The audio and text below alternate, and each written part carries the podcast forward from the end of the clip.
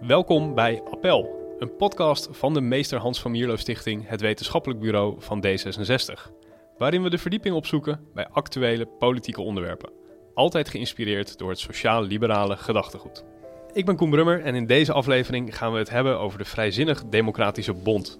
Een partij uit de eerste helft van de 20e eeuw. Progressief, vooruitstrevend en volgens sommigen een vroege voorloper van het huidige D66. Wat kunnen we leren van deze club van democratische vernieuwers en wat is dan precies hun waarde voor ons vandaag?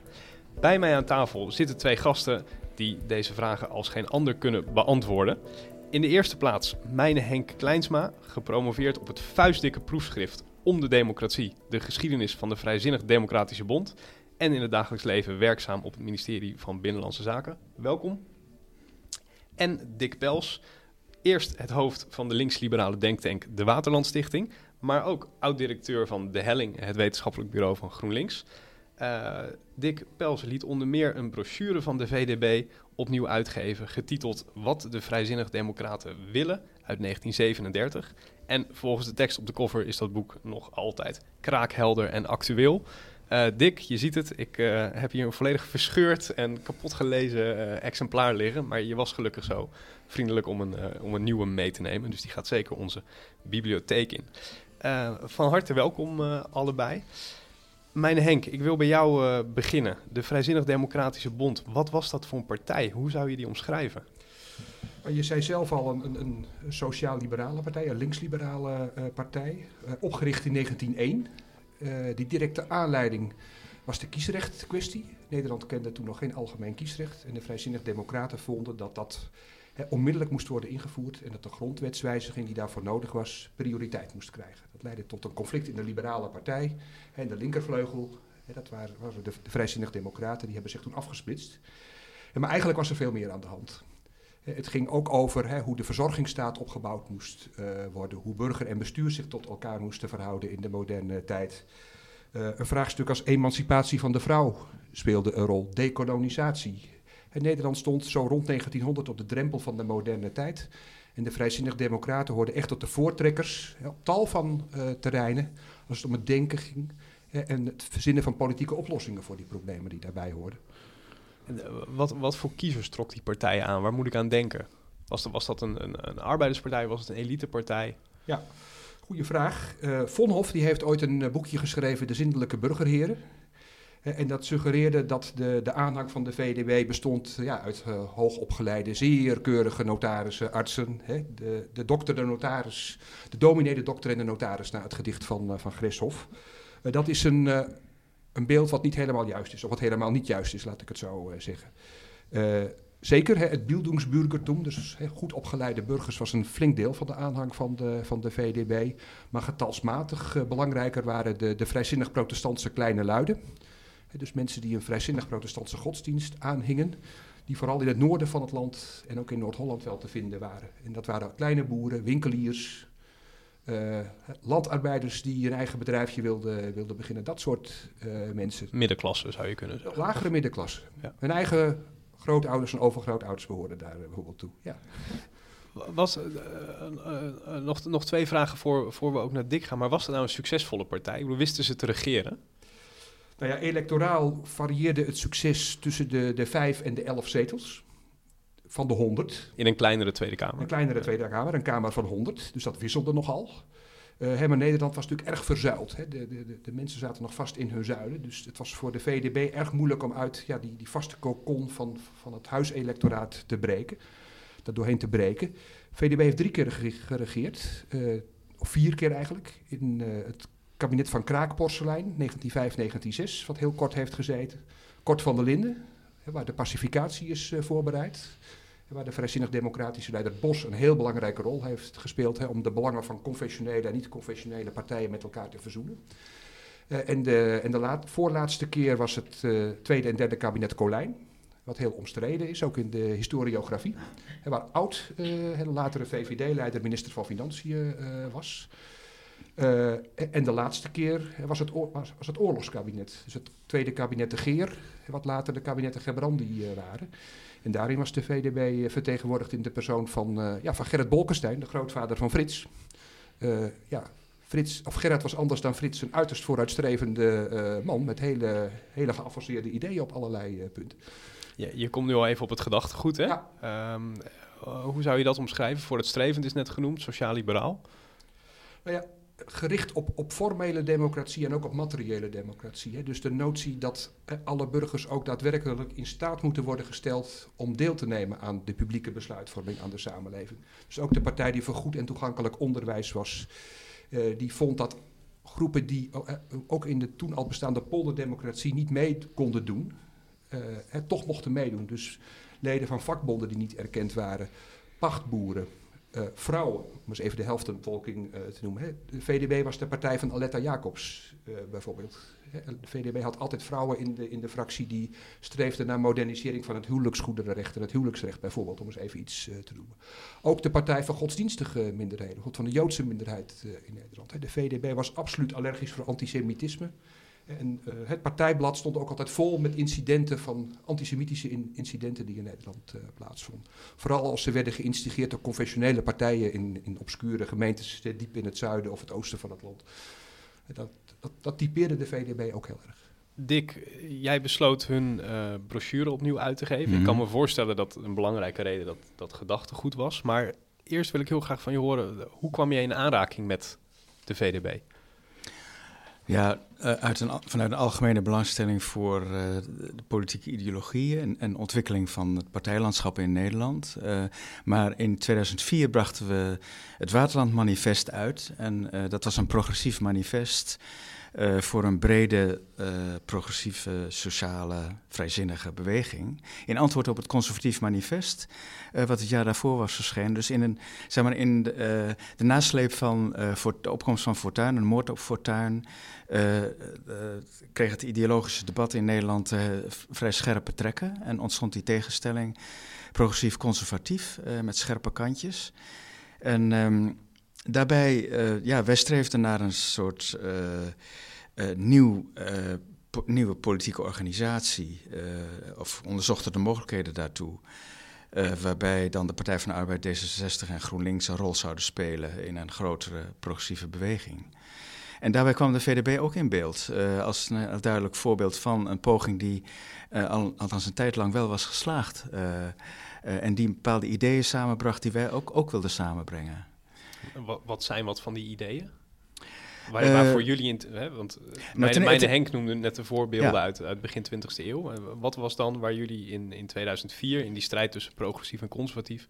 waarvan jullie dachten, hey, deze ideeën die hebben eigenlijk een eeuw overbrugd... en zijn nog even waardevol? Ja, uh, dat is ten eerste de vrijzinnigheid... Um, en daar bedoel ik dan mee uh, het idee dat iedereen het recht heeft uh, om, hè, om zijn eigen levensstijl te kiezen en zijn eigen mening te vormen en, en uit te drukken. Um, gepaard met tolerantie en matiging. Dus dat, dat sloeg ook op de vrijheid van meningsuiting. Hè, respect voor andersdenkenden. Ik denk dat het misschien uh, in, deze, in onze tijd nu, dus tien jaar later, uh, nog veel actueler is dan toen misschien, uh, omdat we nu die verschrikkelijke polarisatie zien. Uh, zowel in de Verenigde Staten als, als, in Engeland en met de Brexit. En ook wel een je, beetje. Je verlangt terug naar 2004, Waarbij, je eigenlijk? Nou ja, 2008 uh, hebben we dat, dat uh, programma van de VDB opnieuw uitgebracht. En daar kwam ik dat dus tegen, hè, dat respect voor andersdenkenden. En daarvan denk ik nu, ja, er zijn heel veel schrijvers anno nu die, die dus die polarisatie, extreme polarisatie zien als het, het grote probleem. Uh, van de politiek, dus in de politieke cultuur. Dus dat is een heel belangrijk iets. Maar, maar vooral denk ik de, de po geslaagde poging om individualisme en uh, collectivisme of ja, collectieve zorgzaamheid, socialisme en liberalisme uh, te verenigen. Uh, en dat is al een eeuwenlange natuurlijk strijd om die twee ja, in balans te houden en daar een tussenweg en misschien een derde weg in te vinden. Je kunt zeggen dat de Partij van de Arbeid hen en andere sociaal-democratische partijen daar verschrikkelijk in hebben gefaald en dat juist de midden niet hebben kunnen vinden. En misschien is de VDB wel een voorbeeld van een, een, een, evenwichtige combinatie van die twee. Hè? Omdat ze zowel um, een nadruk leggen op dat individualisme, dus het recht van iedereen om een werkelijk zich te kunnen ontplooien, zich te kunnen emanciperen, maar ook zeg maar, dat daar de voorwaarden moeten worden, voor worden uh, geschapen. En dat zijn er nogal wat. En dan komt een sociale programma in beeld. En vooral het idee van de, ja, de sociale uh, of de democratisering van de economie. En dat gaat vrij ver. Daar zijn vrij behoorlijk uh, ja, stevige teksten uh, te lezen bij de VDB. Over wat, de impact, wat is daar een voorbeeld van? Over de inperking van, het eigendomsrecht. de, de kritiek op het uit de hand lopen van het liberalisme. Dat heette toen nog niet het neoliberalisme. Um, maar dat, dat leidt tot een, tot een egocentrische samenleving, waarbij heel veel mensen de dupe zijn en ongelijkheid, enorme ongelijkheid wordt veroorzaakt. En dat soort dingen meer. En die zijn alleen maar actueler geworden, geloof ik, anno nu. Zou, zou dat, hè? Want ze namen toen al in, inderdaad een bijzondere positie in, in dat landschap. Uh, je schetst het al, hè, tussen, tussen socialisme en liberalisme in. Um, want hoe zie je dat? Kijk, mijn Henk zei net al, zoveel zetels waren, hadden ze nou ook weer niet. Hè? Mm dat, dat fluctueerde heel erg.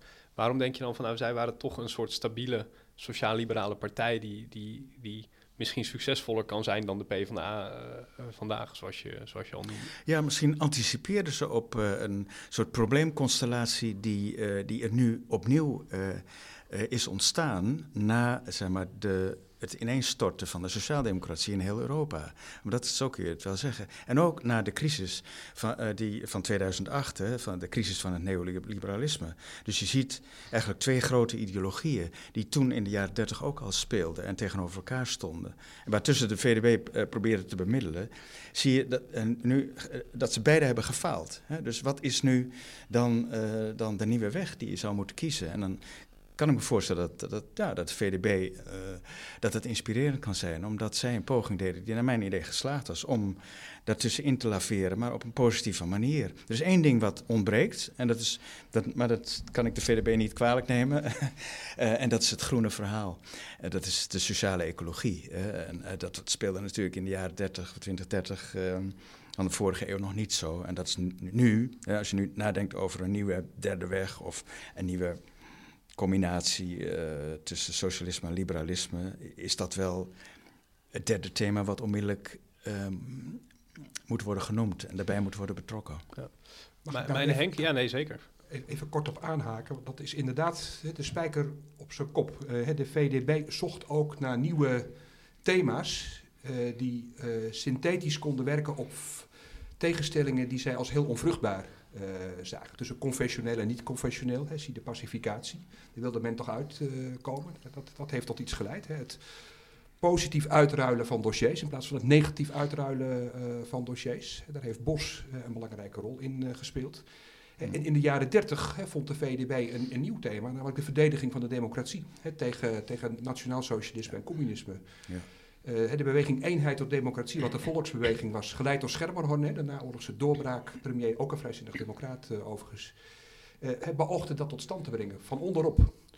en nou ja, het, het, milieuprobleem, het klimaatprobleem, is natuurlijk vandaag de dag een vergelijkbaar probleem, van vergelijkbare importantie, waar het er ook om gaat, om, om ingesleten tegenstellingen die heel voorspelbaar zijn. kijk naar wat er de afgelopen weken is gebeurd, om dat met creatieve oplossingen te doorbreken. En daar was de VDB dus mhm. heel erg goed in, omdat als kleine wendbare partij uh, slaagden ze daar buiten gewoon goed in, zonder dat ze gehinderd werden door, door al te, te dwingende ideologische keurslijven die eromheen uh, hingen. Ze waren heel erg goed in het signaleren van nieuwe uitdagingen, nieuwe politieke uitdagingen. Ja, maar op een hele authentieke manier. Hè. Het kan ook zijn dat dat een opportunistische kleur krijgt. Hè. Zoiets van partijen die ongelooflijk wendbaar zijn en telkens op zoek gaan naar thema's. Hè, om een catch-all partij uh, te zijn. Mhm. Dat was de VDB beslist niet. Hè, dit sloot wel aan gewoon bij wat die partij vond. In de jaren 30 was er heel veel democratiekritiek. Maar dan ging de VDB eigenlijk het minst van alle grotere partijen in Nederland in mee. Dat was toch de partij die pal stond voor de democratische rechtsstaat in een tijd dat hij niet populair was.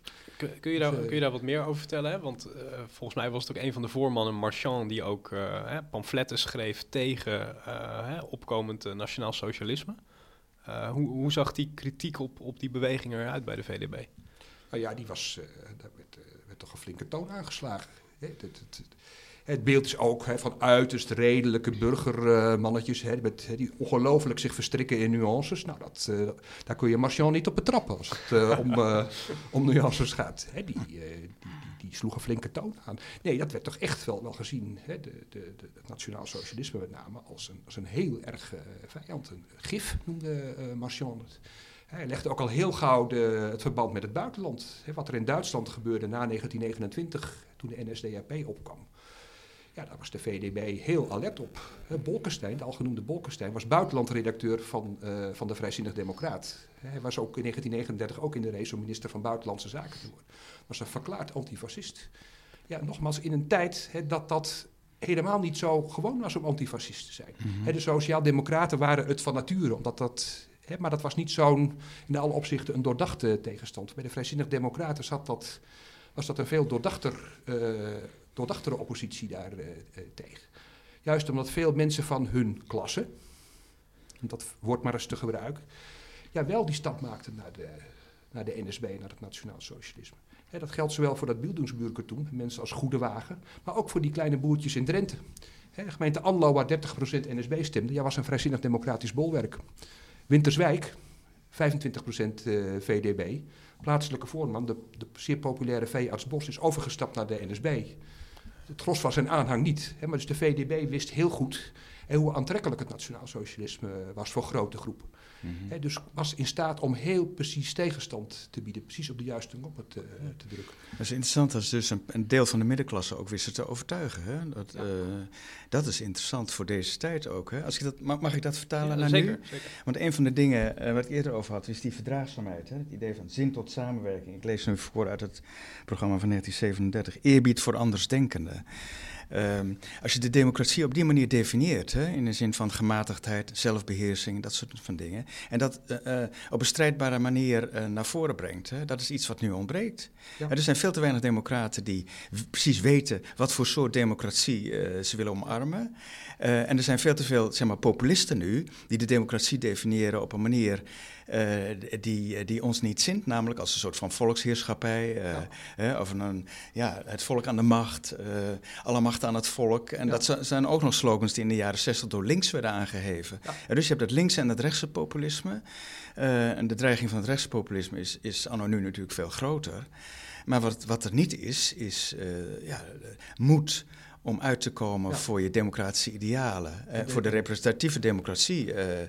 eh, en, en de checks and balances en alles wat erbij. En de verdraagzaamheid. Hè, want een van de grootste verschillen tussen liberale democraten, zoals je zo mag noemen, en illiberale democraten, of niet-liberale democraten, want zo kun je de populisten ook wel noemen, is, het, is stelligheid. Hè? Ja. De, de, het omarmen van verdraagzaamheid versus het uh, ja, totaal niet kunnen velen van, van enige ja. tegenwerping of kritiek.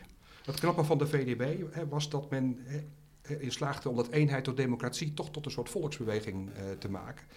En ik heb dit in mijn proefschrift ook gesignaleerd, ik vond dat een erg knappe vondst, was dat men de argumentatie ook omkeerde. De NSB claimde uh, ja, de, de Nederlandse natie te vertegenwoordigen en de waarden, de oer-Nederlandse waarden te vertegenwoordigen. En de VDB zei, dat is helemaal niet waar. De oer-Nederlandse waarden zijn verdraagzaamheid, tolerantie, dat gaat al eeuwen terug. Ja, ja. Uh, zijn een land van minderheden, pluriformiteit. Hè, dat brengt bepaalde spelregels met zich mee. Die respecteren jullie uh, niet. Mm -hmm. Dus jullie zijn geen goede Nederlanders, jullie zijn landverraders. Dat was de, de toon. Hè. Die, nou, Marchand was toen, al, afge, was, was toen ja. al afgegaan door de zijdeur, waarover straks wellicht meer. hè, maar Oud en Joekes, die, die, die, die, die hanteren die woorden. De, hè, de, de NSB zijn landverraders. Dus die, een veel, militant, een veel militanter tegengeluid ja, eigenlijk. Ja. ja. De Vrijzinnig Democratische Jongerenorganisatie ging nog verder. Die zei zelfs, ja, landverraders moeten eigenlijk ter dood worden gebracht. ja, dat vind ik wel erg ver gaan. Maar dat gaf aan dat men, uh, dat, dat was ja. natuurlijk, de oorlog stond voor de deur. Men zag wat er in Polen gebeurde. Men zag de jodenvervolging. Mm -hmm. en dus ik begrijp dat wel. Dat, je, uh, je, ja. je zin speelde al even op het, op het lot van Marchand. Laten we dat dan ook maar meteen, uh, meteen even behandelen. Uh, Marchand, groot voorman van de VDB. Uh, VDB natuurlijk een vrijzinnige partij. Je zei al veel vrijzinnig protestanten die zich daartoe aangetrokken voelden. Maar de verhouding met religie was natuurlijk ook wat gecompliceerd. En misschien is die kwestie Marchand daar ook wel een, een, een, goed voorbeeld van. Ja, ja dat is een... Dat is misschien, uh, misschien moeten we eerst even zeggen, wat gebeurde er? Met, uh... wat, wat er gebeurde was dat Marchand, even door het oog van de buitenwereld... Hè, de, de geïnteresseerde krantenlezer anno 1935... die uh, moest eind 1934 in de krant uh, lezen dat er geruchten gingen dat Marchand, minister van Onderwijs in het tweede kabinet Colijn, voorman van de VDB, bestrijder van alles wat confessioneel uh, was, in de jaren daarvoor, hè, polemicus bij uitstek, uh, stiekem was overgegaan naar de Rooms-Katholieke Kerk. Nou, dat was natuurlijk in het verzuilde Nederland van 1934, 35 een ongelofelijke gebeurtenis. Hè. Van, dat kunnen we ons vandaag de dag... Ja, is het misschien vergelijkbaar met dat, dat Geert Wilders overgaat tot de islam? Hè? Zo, zoiets. uh, dat is een gewaagde... Hè, past niet helemaal, maar even het schokeffect. Te, te, te, en waarom was dat zo? Nou ja, de... de uh, een aantal redenen. Katholieken stemden op de RKSP, de, Rooms-Katholieke Staatspartij. Er waren maar heel, heel weinig katholieken die op een andere partij stemden. De bisschoppen zorgden ervoor dat dat gebeurde. De meest homogene, unitaire zuil die er in Nederland te vinden was, autoritair geleid. Uh, was een zoekende ziel. Als je zijn oudere speeches vanaf de jaren twintig heel precies leest, kun je daar al elementen uit terugvinden. Hij, hij, zocht naar een fundament om zijn afkeer van nationaal socialisme en fascisme en de waarden die daarbij hoorden, om die preciezer te, in te laten wortelen. En dat vond hij in het Rooms-Katholicisme. De Rooms-Katholieke Kerk was in the end of the day toch ook een verklaard tegenstander, in ieder geval van het nationaal socialisme. Het fascisme ligt iets ingewikkelder. Dat, hij zocht dus naar een, een levensbeschouwing die daarbij paste. Die vond hij daarin. Waarom lag dat bij de VDB nou zo moeilijk? Want dat was toch de partij van tolerantie, hebben we net uh, betoogd. Ja, dat is de ene kant van het verhaal. De andere kant van het verhaal was dat het gros van de aanhang van de VDW bestond uit vrijzinnig protestanten, Joden, flink deel van de Joodse minderheid in Nederland en buitenkerkelijke. En, in het verzuilde Nederland van die tijd he, pasten anderen daar niet zo goed uh, in. Er was vrijwel geen katholiek die op de VDW stemde. De verhouding tussen vrijzinnig protestanten en katholieken was ook heel, heel slecht. Het, ze konden niet meer van elkaar verschillen. Dus hè, leervrijheid, tolerantie, uh, hè, een, een, vrije uitleg van de Bijbel, uh, hè, een democratische kerkorde, tegenover een autoritair leergezag uh, met veel liturgie, niet democratisch. dat waren een hele ander soort mensen. dat tussen in het Nederland van die tijd waren dat hele verschillende bevolkingsgroepen. En Marchand maakte de oversteek. Maakte de oversteek. en, waar, nou, en daar kwam nog bij, dat is, maakt het extra venijnig uh, dat dat kabinet Colijn werd geconfronteerd met een zware economische crisis en had gekozen voor een fors bezuinigingsbeleid. Colijn zelf was minister-president en oud, de, de, tweede vrijzinnig-democratische minister, was minister van Financiën, waren de architecten van dat beleid. En die eisten gewoon rigoureuze bezuinigingen. Nou, een van de grootste begrotingsposten was die van onderwijs. Uh, bijzonder onderwijs en openbaar onderwijs. Alleen op de uitgaven van het bijzonder onderwijs had, men, had de Rijksoverheid in die tijd bijzonder weinig sturing. Dat was een hoge mate volgend, dat was een open eindregeling. Maar het openbaar onderwijs kon men wel direct op sturen. Dus wat gebeurde er? Allerlei kleine openbare scholen moesten dicht als bezuinigingsmaatregel. En waar stonden die scholen? Je raadt het al, in het noorden van, van Nederland, het linkse deel van Nederland, de kop van Noord-Holland. Welke partij was daar de dominante partij? De Vrijzinnig-Democratische Bond. He, veel lokale Vrijzinnig-Democraten waren ook het was de, het hoofd van de openbare school. Dat was de voorzitter van de vereniging Volksonderwijs. Ja, en de eigen minister ging eens even die scholen uh, sluiten. En in diezelfde tijd bleek ineens dat die minister katholiek was uh, geworden. Dus men dacht 1 en 1 is 2, of beter gezegd 1 en 1 is 3.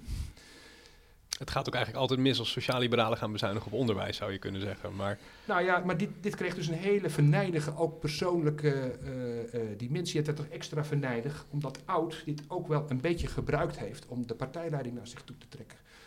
Oud was natuurlijk ook een, een, een gewiekste persoon. En na de oorlog, toen hij leider van de VVD was, heeft hij dat tot nog grotere hoogtes verheven, die kunst. Het was een manipulator, een, een even, uiterst hè, matig geslepen politicus die, die zijn kans greep.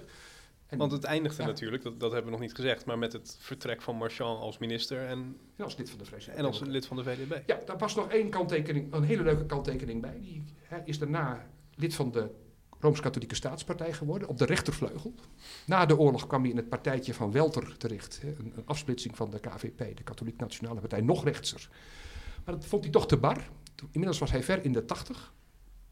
En een van de heel, heel weinige vrijzinnig democraten die nog wat contact met Marchand was blijven houden, was Bijlsma, een Friese notaris die eind jaren 30 in de Kamer uh, zat. En die heeft begin jaren 50 de VDB heropgericht. Die poging is mislukt, maar hij is er wel in geslaagd om Marchand, zijn oude dag weer lid van de VDB uh, te maken. Dus dan denk ik, eind goed, al goed. Mooi. Dus dit verhaal heeft een happy end. Een fantastisch verhaal, inderdaad. Ja. Eh, We hebben nu alleen eigenlijk het einde van de, van de VDB hebben we, hebben we even overgeslagen. Hè? Uh, Dick, jij noemde net al de PvdA. Uh, de VDB ging natuurlijk op in de, in de PvdA. Is, is dat gedachtegoed van die VDB, waar je net heel enthousiast over was, Hoe heeft zich dat staande gehouden eigenlijk in die, in die PvdA na de oorlog? Nou, dat was, uh, die kwamen vrij snel in de verdrukking, uh, als ik het goed heb hoor. Uh, die Vrijzinnige Democraten binnen het kader van de PvdA. Maar de PvdA die, kwam ook weer terecht in, in die polarisatie tussen liberalisme en, en, socialisme. Ook vanwege de Koude Oorlogstoestand. bijna onvermijdelijk misschien. Um, dus je kunt zeggen, die doorbraak die belichaamd werd door de VDB, um, die mislukte. Met het mislukken van de doorbraak, wat de PvdA zelf nastreefde. En dat is dus een he hele lange tijd blijven sluimeren, dat idee van die doorbraak. En het, ironische is, of het, ja, het tragische misschien ook is, dat die doorbraak in onze tijd, nu 2018, eigenlijk is geschied vanuit de rechterkant. Uh, door de opkomst van, uh, van het populisme en uh, de beweging van Fortuin. Hè, dat da dat eigenlijk het breekijzer is geworden. waardoor al die oude tegenstellingen. Breekijzer tot wat? door, door die oude tegenstellingen ja, zijn verdampt en veranderd. En dat er heel, een, een soort nieuwe tegenstelling is ontstaan in de Nederlandse en ook in de Europese politiek. Hè, door de opkomst van het populisme, wat als een soort van een negatief, ja, een negatief verschijnsel natuurlijk ja, de uitdaging was voor, aan alle anderen om daar iets tegenover te stellen, wat eigenlijk tot nu toe nauwelijks is gelukt. Uh, behalve dat er nu eindelijk ja, toch wel iets zichtbaar wordt van een nieuw platform uh, van, van progressiviteit daar tegenover. Maar dat heeft heel lang geduurd. En wat is dan volgens jou op dit moment dat nieuwe platform van progressiviteit? Ja, um, uh, het partijlandschap is natuurlijk ook veranderd. Uh, ook ten opzichte van uh, tien jaar geleden toen wij dit pamflet uitbrachten. Um, de D66 zit in de regering. GroenLinks is veel groter dan de PvdA. PvdA is ingestort. En dat soort dingen. Dus je zou nou niet zo makkelijk meer denken in termen van coalities tussen, tussen partijen. Ik zou dat, ja, ik wil er geen voorschot op nemen. Uh, dus als ik heel brutaal ben, dan denk ik van nou GroenLinks moet maar heel groot worden. En dan zijn we daar, daar ook vanaf van dat probleem. Van wie nou met wie moet samen, samen moet gaan in die progressieve combinatie. Dus daar gaat het niet zozeer om. Het gaat meer om welke gedachten je met elkaar kunt combineren. En dan is nog steeds het geval van hoe kun je zeg maar, die, ehm, die, het, positieve individualisme waar de VDB voor stond. Hè, ehm, het recht voor iedereen om zich te kunnen emanciperen. En dan de materiële voorwaarden daarvoor. Hoe zet je dat in elkaar? En volgens mij is daar dan, en volgens de VDB-fonds uh, ook, uh, is daar een behoorlijke herverdeling voor nodig van het nationale inkomen en vermogen. Dat staat ook zo letterlijk in dat, in dat pamflet van de, PVD, van de VDB van toen. Um, en daar komt bij dat we aan de milieuproblematiek natuurlijk iets moeten doen. Dus dat is de derde, het derde grote thema wat we daarin zouden moeten integreren. En misschien zou, is het wel zo dat via dat groene thema ook zeg maar die klassieke polarisatie tussen socialisme en liberalisme aan het oplossen is. En dat schept wel een hele nieuwe, nieuwe ideeënconstellatie natuurlijk, die ook niet, ja, ja, zo, niet goed te vergelijken is met, uh, met de jaren dertig. Hey, de VDB hè, die wilde zich geen liberalen noemen. Nee. we hebben net ook al, ook al uitvoerig besproken waarom en hoe ze zich positioneerden en zo. Ja. Um, je schrijft, als ik het goed heb, wel in je, in je nawoord bij, bij hun brochure... Dat, uh, hè, dat, je, dat je niet zozeer de P van de A nu ziet als de erfgenaam van de VDB... maar eerder D66. Althans, mm -hmm. dat schreef je toen. Ik, mm -hmm. We zijn tien jaar verder. Uh, hoe zit dat dan met dat liberalisme? Uh, Mijn Henk omschreef net toch als sociaal-liberaal, die partij. Was dat ja. meer een, een afkeer van hun destijds... Uh, ja, dat, dat, misschien? Ja, dat komt vooral omdat ze zich zo afzetten tegen dat liberalisme, wat, hè, dat, nu citeer ik nog even, de volledige doorvoering van het liberale stelsel bracht onze maatschappij met een oppermacht van het kapitaal, hè, met een uit de hand lopende ongelijkheid, ontaard tot een stelsel dat de vruchten van de arbeid van allen bleef opeisen voor enkelen. Terwijl het toch de zaak is om de, de, grote meerderheid van het volk een groter aandeel te laten krijgen in de opbrengst van de maatschappelijke productie. Dus dat wilden ze ook dan geen socialisme noemen, uh, want het socialisme dat was toch, ja, dat geassocieerd associeerden zij met staatseigendom. En terecht natuurlijk. Uh, maar ze gingen vrij ver in het uh, specificeren van de voorwaarden, waaronder werkelijke individualisering voor iedereen, de werkelijke vrijheid voor iedereen tot stand zou kunnen komen. dus dat is wel heel belangrijk, die, die, die combinatie. Nu ben ik de vraag kwijt. Nou nee, hun verhouding tot, tot, het, tot het liberalisme eigenlijk. Ja. Ze wilden Nee, zelf daarom wil- niet zo daarom genoemd worden, daarom maar ze zijn wel sterke nee, nee, dat was het. Ja, nee, Zelf denk ik, eh, ja, moet je niet zo heel precies zijn over woorden. Het liberalisme is een huis met vele kamers. Dus je hebt het neoliberalisme, je hebt het sociale liberalisme en misschien nog wel vele andere varianten. Ik heb mezelf ook altijd een sociaal-liberaal genoemd of links-liberaal. Dus daar heb ik geen probleem mee gehad. Het is een beetje vergelijkbaar met de problemen die Femke Halsema kreeg in 2004 toen ze een stuk schreef, eh, Vrijzinnig Links. En toen kreeg ze de prijs, geloof ik, van eh, voor... de, ja, ja, Kus des doods. Cursusdoos. De liberaal van het jaar. Ja, het, eh, ja, ja, dan willen ze absoluut niet zo worden genoemd. Dus het is vergelijkbaar met, met de koudwatervrees van, van de. VDB voor, voor het woord. Ja, het had alles te maken met, eh, met de enorme afkeer die de, die de VDB had voor, ja, voor het huis waar ze uit zich aan ontworsteld hadden. Hè. De oude liberale partij hè, die in, in het Interbellum Ja. Vrijheidsbond Ja. heette. En dat vonden ze een hele nare conservatieve eh, partij. In de jaren dertig convergeerde dat wel een beetje. Hè, toen Telders eh, partijleider of partijvoorzitter van de, van de Vrijheidsbond werd, hè, werd dat iets beter. Eh, op lokaal niveau werd er vaak wel goed samengewerkt. Oud is natuurlijk na de oorlog op een hele opportunistische manier. Heeft hij zich bij die, die, die rechtsliberale rest aangesloten en dat is de VVD eh, geworden. Mhm. Eh, en de VDB vond zichzelf altijd de betere liberale partij. Mhm. En dat was het ook. Als het om de democratische rechtsstaat ging, zeker om de rechtsstaat. Want de, de Vrijheidsbond hè, was niet zo koosje op dat Mhm. vlak. Die, die, die gaf wel toe aan populistische neigingen, net zoals de VVD dat nu doet. Dat, dat lijkt heel erg op elkaar.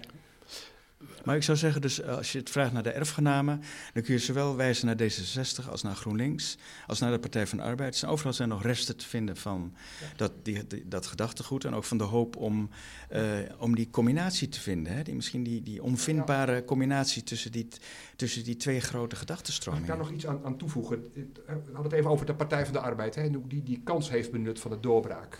Het nodige over, eh, over gezegd. Ik vind dat ze één hele grote kans eh, hebben laten liggen. Hè. De PvdA heeft natuurlijk haar verantwoordelijkheid genomen toen het om de wederopbouw van Nederland eh, ging. Hè. Tegelijkertijd was in die tijd het gros van de, van de Nederlanders was bereid hè, om grote offers te brengen om verder te komen. Hè. Men had het gedeelde leed van de crisis, van de oorlog. Hè, dus de, de, die, die bereidheid was er. Dat zat nog vers in het collectieve en ook in het individuele geheugen. En de PvdA heeft dat op een instrumentele, beleidsmatige manier gebruikt, maar niet op een ideologische manier. Men heeft verzuimd om, om de, de socialistische ideologie voldoende te vernieuwen en te, te verbinden met ja, de vruchten van de geslaagde emancipatie. Dat, daar is de PvdA eens blijven hangen en is in de jaren 60 zelfs regressief op de golven van Nieuw Links teruggekeerd tot een ja, volkomen verouderd, rare marxisme met leuzen van klassenstrijd die helemaal nergens meer op sloegen in die tijd. Ik heb me daar altijd hoogelijk over verbaasd. Nou ja, jij en ik hebben dat eh, meegemaakt, hè Dick? Mhm. Ik vond dat altijd heel raar. Nooit, nooit zo goed begrepen wat dat nou vandaan eh, kwam. Eh, en vandaag de dag is die herinnering natuurlijk helemaal vervaagd. Hè, dat is een hele generatie die dat niet meer heeft. Dus wat is het, het verbindende psychologische, de verbindende psychologische materie hè, om tot zo'n doorbraak eh, te komen? Nou, dat zou in het klimaat ge- gevonden worden, de, de, klimaatdreiging. Hè, als iedereen nou eens hè, tot zich laat doordringen wat, wat het gevaar is voor, de, voor nieuwe generaties, voor onze kinderen en kleinkinderen. Zou, daar, zou dat het vehikel kunnen zijn om tot nieuwe verbindingen te, eh, te komen? En dan vind ik, dan valt het niet mee. Hè. Het, het klimaatakkoord is dan hè, toch wel heel erg een corporatief Nederlands akkoord, wat je als een, een opstand Mhm. kan gebruiken. Ik vind Ja. de reactie van de FNV niet meevallen. Mhm. De reactie van GroenLinks ook niet meevallen in dat, eh, in dat opzicht. Eh, en dat had wel wat ja, grootser kunnen zijn. Hè, Mhm. Het is allemaal een beetje klein, toekomstgerichter. Een beetje, een beetje, een beetje miserig. eh.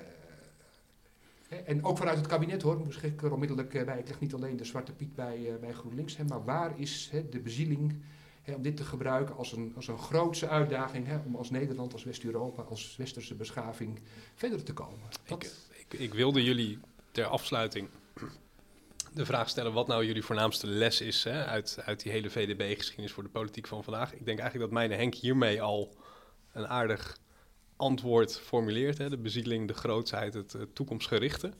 Eh, ja, je, mag, je mag er nog aan toe, wat aan toevoegen voor ik hem voor jou samenvat. Maar de belangrijkste VDB-les. nou ja, dat is er één. Het tweede is hè, dat- die, democratische rechtsstaat, de verdediging daarvan. Hè. We hadden het over het klimaat en de opkomst van het populisme. Hè, dat zijn toch de twee grote punten Mhm. van vandaag de dag. Ik Ja. zie dik instemmend eh knikken. Nou, klimaat heb ik, uh, heb ik iets over gezegd.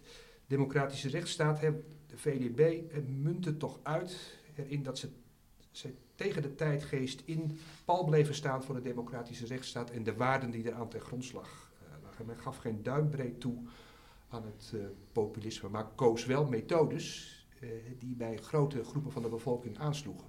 En als ik nou vandaag de dag naar het debat kijk, vind ik dat de antipopulisten er niet in slagen om met een discours, met een, een, met een narratief te komen, met een verhaal te komen, wat echt bij brede groepen aanslaat. Het is te academisch nog. Ja, ik snap het, zeg ik heel arrogant. Uh, hè, maar uh, ik wil het ook graag op bruiloften en partijen kunnen, kunnen uitleggen, dat uh, verhaal. En, daar moet men dus naar op zoek, naar zo'n narratief. Mooi, heel mooi. Dick, tot slot. Ja, het, de, VDB was niet bang om daar heel stevig in op, op te treden, ook in taalgebruik. En daar dus moedig, zeg maar, een, een moed te vertonen bij het verdedigen van die democratie. En dat is eigenlijk wel een paradox. Hè? Uh, uh, als je als um, liberale democraat staat tegenover populisten die altijd gelijk hebben en ook zich verschuilen achter de brede rug van het volk, wat altijd gelijk heeft. Uh, dan kun je dat natuurlijk niet voor je eigen positie claimen. Hè? Want een ja, zachtmoedige democratie tegenover een zeer stellige, uh, onverdraagzame democratie, dem democraten staande. die strijdt eigenlijk altijd met één hand op, op de rug gebonden. En dat is de paradox die, die ook in de VDB heel sterk leefde en die nu opnieuw leeft. En ja, de enige antwoord daarop is, is dat wij dus, liberale democraten, gewoon veel steviger en veel moediger moeten zijn. En tegelijkertijd blijven beseffen uh, dat, het gelijk, uh, niet in, dat wij de, de, waarheid niet in pacht hebben. En dat is een moeilijke positie. dus in die zin is het toch best nog wel moeilijk om daar simpele slogans voor te vinden. en daar overtuigingskracht voor te wekken. Maar ik denk wel dat het kan. Je ziet aan Merkel en Macron, hè, die dat op hun manier toch een beetje geprobeerd ja. hebben, mm -hmm. hè, hoe moeilijk het is, hoe kwetsbaar die positie is. Ja. En allebei zijn ze op hun retour. Hè, de een ja. sneller dan de ander. En dus het is heel risicovol om zo dapper te zijn. Zij waren dapper, mm -hmm. ze zijn dapper. En, en, ja, wat gebeurt er? Mm. Dus dit is geen makkelijk verhaal. Dapperheid, maar geen makkelijk verhaal. Nee. Wijze lessen uit de tijd van de Vrijzinnige Democratische Bond. Uh, Dick Pels, mijn Henk Kleinsma, hartelijk dank voor dit gesprek. En daarmee zijn we aan het eind gekomen van deze aflevering van Appel. Bedankt voor het luisteren. Heb je vragen, opmerkingen of wil je gewoon graag met ons in contact komen? Ga dan naar onze website van mierloofstichting.nl, stuur een mail of gewoon een berichtje via Facebook of Twitter.